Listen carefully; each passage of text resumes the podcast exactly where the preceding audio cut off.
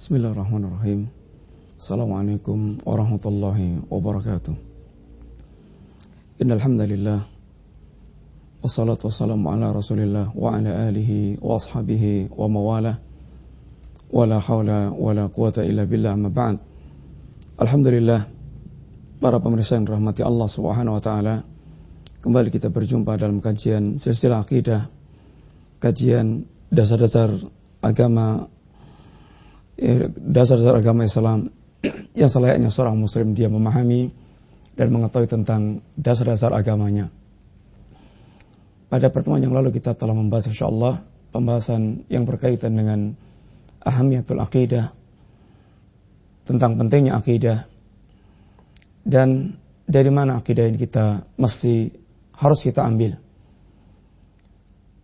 Karena akidah yang merupakan pondasi agama kita tidak boleh sembarangan kita mengambilnya.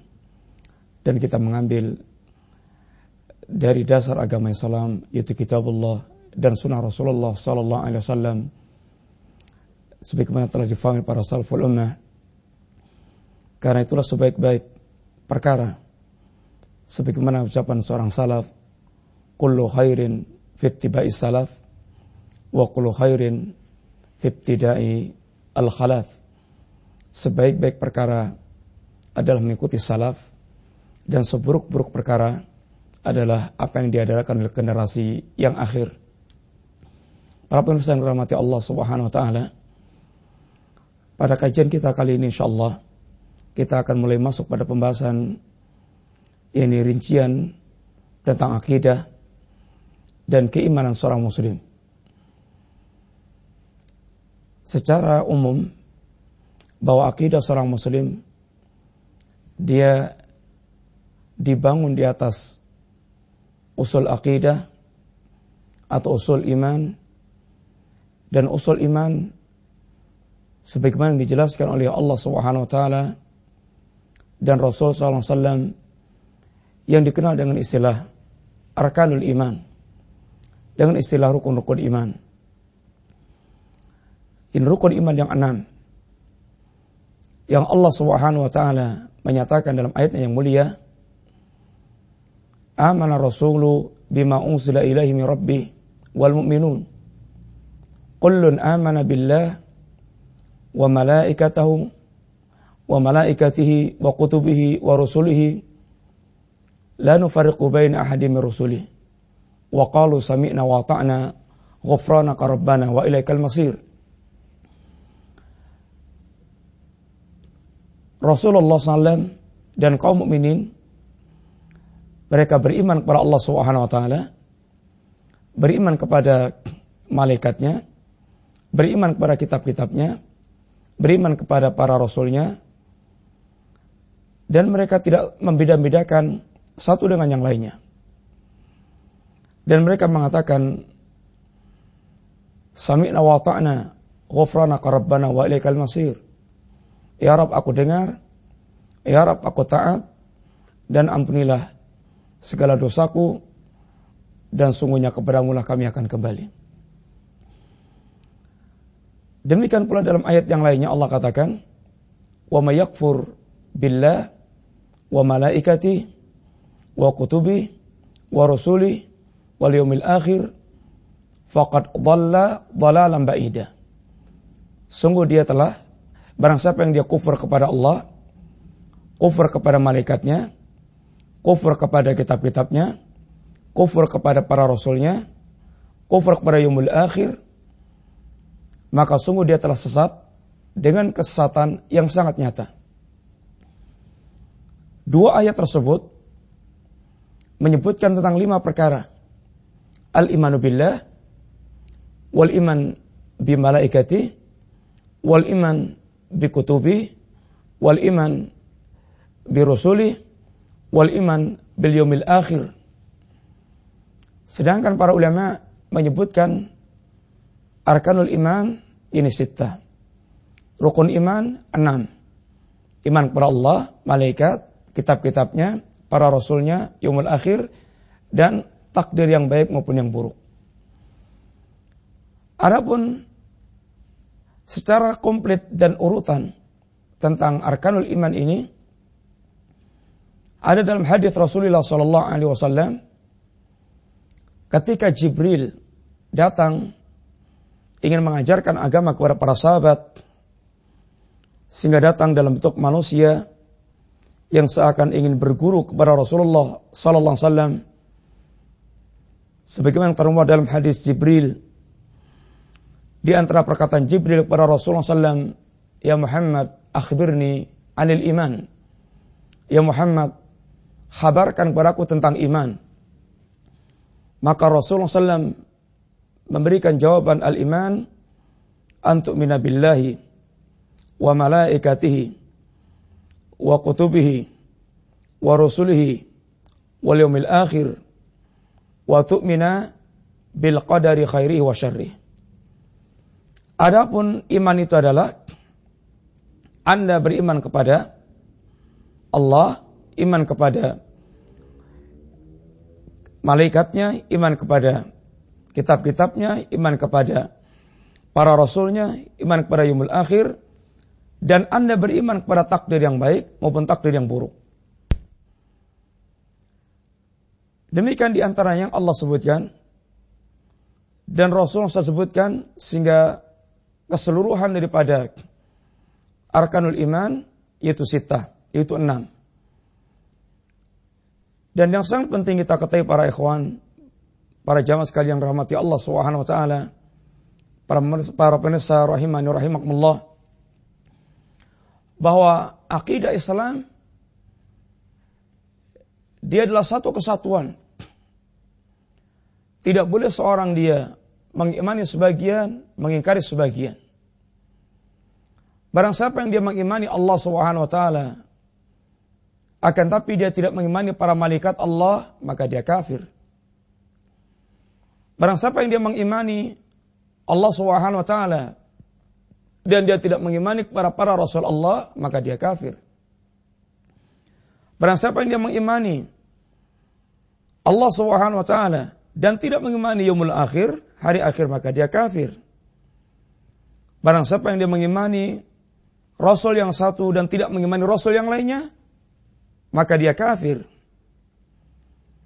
Maka Allah Subhanahu wa taala di antaranya mengatakan Innal ladzina kafaru billahi wa rusulihi wa yuriduna yufarriqu baina Allahi wa rusulihi wa yaquluna nu'minu bi ba'dhin wa nakfuru bi ba'dhin wa yuriduna ayatakhidu baina dhalika sabila ulaika humul kafiruna haqqan wa a'tadna lil kafirina adzaban muhina. Sesungguhnya orang-orang mereka mengingkari Allah Subhanahu wa taala dan mengingkari rasulnya. Dan dia ingin memisahkan antara Allah dan rasulnya dan para rasulnya. Dan dia menginginkan dan, dan mereka mengatakan kami mengimani sebagian dan kami mengingkari sebagian. Dan mereka ingin mengambil jalan tengah.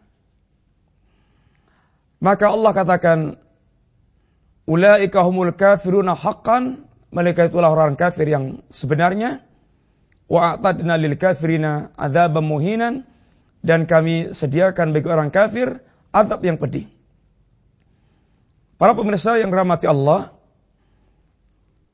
Perhatikan bagaimana Allah Subhanahu wa taala tidak mengendaki keimanan sebagian-sebagian. Allah mengendaki keimanan yang utuh tanpa membeda-bedakan. Demikian pula ketika Allah mengatakan tentang orang suatu kaum yang mereka mendustakan satu rasul dan mendustakan rasul yang lainnya atau mereka mendustakan satu rasul dianggap oleh Allah dia telah mengingkari semua para rasul Allah subhanahu wa ta'ala. Kadzabat qaumu Nuhil mursalin. Contoh di antaranya. Allah mengatakan tentang kaumnya Nabiullah Nuh ketika mereka, ketika mereka mengingkari Nabiullah Nuh. Satu nabi yang diingkari akan Nabi Allah katakan kadzabat qaumu Nuh al-mursalin.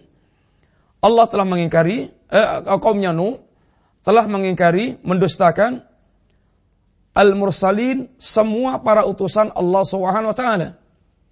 Padahal kenyataan yang ada pada saat itu, kaumnya Nuh hanya mengingkari Nabiullah Nuh. Akan tapi Allah mengatakan tentang kaumnya Nuh, dia telah mengingkari semua para utusan Allah Subhanahu wa taala. Sehingga mengingkari satu rasul sama dengan mengingkari rasul yang lainnya dan semua para rasul yang lainnya. Karena seandainya dia mengimani satu rasul, pasti dia akan mengimani rasul yang lainnya. Karena semua rasul adalah utusan Allah Subhanahu wa taala, maka seandainya orang Yahudi dia mengimani Musa dan dia mengingkari Muhammad maka dia kafir.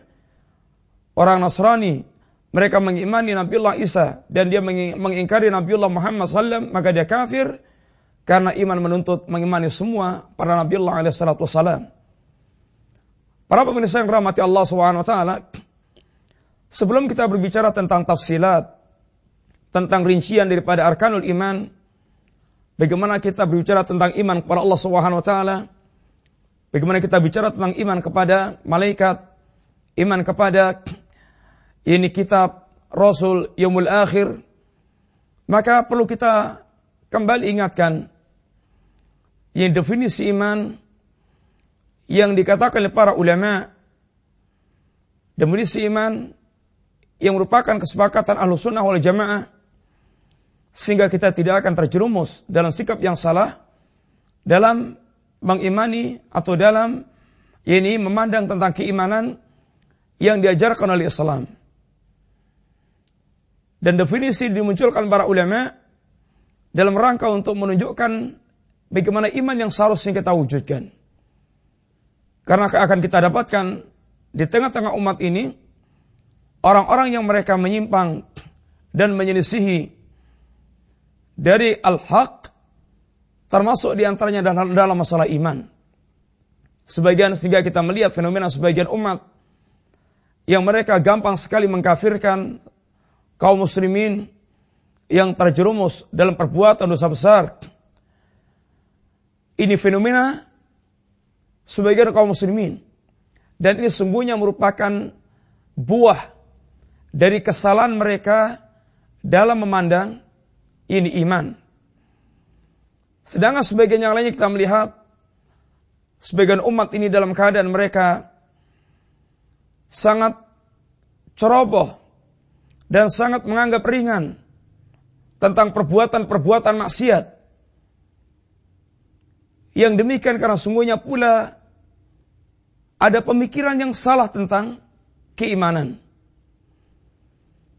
Para ulama Islam yang dikenal dengan ulama al-sunnah wal jamaah dari zaman ke zaman, maka mereka memberikan definisi iman dengan definisi yang merupakan kesimpulan dari pembahasan telaah seluruh dalil Alkitab dan Sunnah. Mereka mengatakan al-iman i'tiqadun fil qalb wa iqrarun bil lisan wa amalun bil jawari yazidu wa yanqus Sesungguhnya iman adalah keyakinan dalam hati dan iman adalah ucapan dengan lisan dan iman adalah amalan dengan jawari dan iman itu bertambah dan berkurang. Ini definisi yang para ulama al-sunnah menyebutkan tentang definisi iman. Tidak dikatakan seorang mukmin yang diterima keimanannya kecuali dia mewujudkan perkara-perkara tersebut. Seandainya seorang dia hanya meyakini, maka dia belum dikatakan mukmin. Sampai dia betul-betul mengucapkan keimanan dia, dan yang wujudkan dalam amalan anggota jawari. Satu contoh di antaranya, kita lihat beberapa contoh. Abu Talib, paman Rasulullah SAW, dia mati dalam keadaan kafir. Dan Rasul menyebutkan Abu Talib, dia berada dalam neraka, walaupun dalam neraka yang paling ringan azabnya. Sedangkan Abu Talib Orang yang sungguhnya memiliki keyakinan tentang agama Rasulullah Muhammad SAW. Cobalah dengar apa ungkapan Abu Talib. mengungkapkan tentang apa yang menjadi pandangan dia tentang ajakan keponakannya mengajak para kalimat Islam, kalimat iman. Apa katanya? Wada'utani wa qad araftu annaka nasihi. Sungguh engkau menyuruh aku, engkau mengajakku dan aku tahu bahwasanya engkau adalah sedang memberikan nasihat kepadaku. Wa qad sadaqta wa kunta sama aminan. Dan sungguh engkau adalah telah orang yang jujur. Dan lagi pula anda seorang yang amin. Seorang amanah yang terpercaya. Lihatlah bait pertama ini. Lihatlah kalimat yang pertama ini bagaimana Abu Talib. Dia mengakui tentang kejujuran Rasulullah Muhammad SAW. Dan mengakui tentang amanahnya, al-aminnya Rasulullah SAW. Warat dinan. Waqad araftu annahu min khairi adyanil bariyah dinan dan engkau menawarkan agama kepadaku. Sedangkan aku sungguh telah mengetahui bahwa agama yang kau tawarkan sebaik-baik agama yang ada di kalangan para makhluk. Lihatlah bagaimana Abu Talib. Dia mengetahui tentang benarnya agama Rasulullah SAW dan sebaik-baik agama. Laulal malamah wahadara masabah seandainya bukan karena celaan dan khawatir tentang celaan yang akan muncul lawajattani samhan bidzaka mubinan niscaya aku akan niscaya aku akan dapatkan diriku orang betul-betul sangat menerima agama yang kau tawarkan. Para pemirsa lihatlah perhatikanlah bagaimana Abu Talib dia telah memiliki keyakinan tentang agama Rasulullah SAW akan tapi sekedar keyakinan yang ada dalam hati mereka dan dia tidak mengucapkan kalimat la ilaha illallah sebagai kalimat iman. Maka ma Abu Talib dia dikelompokkan orang kafir dan kekal dalam neraka. Dan di akhir hayatnya itulah di antara rahasia kenapa dia di antaranya meninggal di antara meninggal di atas kekafiran. Ketika Nabi mengajak dan menuntun untuk mengucapkan kalimat la ilaha illallah ya ammi qul la ilaha illallah kalimatan wahaju biya indallah. Ketika Nabi mengajak kalimat ini, maka Abu Talib, dia kemudian enggan mengucapkannya, sampai pada akhir kehidupannya, maka dia di atas agama Abdul Muttalib, agama kakek moyang, sehingga semata keyakinan dia la yang fa, tidak bermanfaat. Fir'aun, bagaimana di akhir hayatnya, dan sungguhnya dia hati kecilnya juga memiliki keyakinan. Sebagaimana Allah Jalla mengungkapkan tentang Fir'aun, wajahadu biha wastaqanata anfusuhum dhulman ba'uluwan. Fir'aun dan kawan-kawannya mereka ini nampak memberikan penentangan kepada dakwah Nabi Musa alaihissalam. Akan tapi sungguh-sungguhnya dalam hati dia ada keyakinan tentang benarnya apa yang dibawa yang dibawa oleh Rasulullah. Iblis dia pun bahkan mengakui dengan terang-terangan. Ketika ditanya Allah kenapa engkau enggan sujud kepada Adam.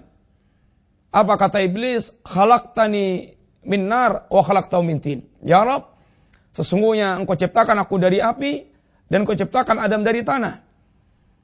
Maka iblis mengakui Allah SWT akan pengakuannya la yang, yang, yang fa. Demikian pula para pemirsa rahmati Allah Seandainya iman itu sekedar ucapan, juga lah yang fa. Orang-orang munafik, orang yang mereka telah mengucapkan dengan misalnya kalimat syahadatain, orang munafik, dia bergaul dengan kaum muslimin secara zahir, akan tapi orang munafik, dia kosong hatinya dari keyakinan yang lurus. Allah Subhanahu wa taala telah memberitakan tentang dustana kiman orang munafik Idza ja'akal munafiquna qalu inna innaka la rasulullah wallahu ya'lamu innaka la rasuluh wallahu yashhadu innal munafiqina lakadzibun. Ketika orang munafik datang pada Nabi dan mereka bersaksi tentang kerasulan Nabi, Engkau adalah utusan Allah, ya Rasulullah kami bersaksi engkau adalah utusan Allah. Allah mengetahui bahwasanya Muhammad Rasulullah SAW adalah utusan Allah SWT. Dan Allah bersaksi bahwa orang-orang munafik adalah pendusta. Kenapa Allah dustakan orang munafik? Karena yaquluna bi afwahihim yaquluna bi afwahihim ma laysa fi qulubihim. Orang munafik mereka mengucapkan dengan lisan-lisan mereka sesuatu yang tidak ada dalam hati mereka. Hati mereka kosong dari keyakinan yang lurus. Walaupun lisan mereka mengucapkannya. Masalah muslimin rahimani wa rahimakumullah.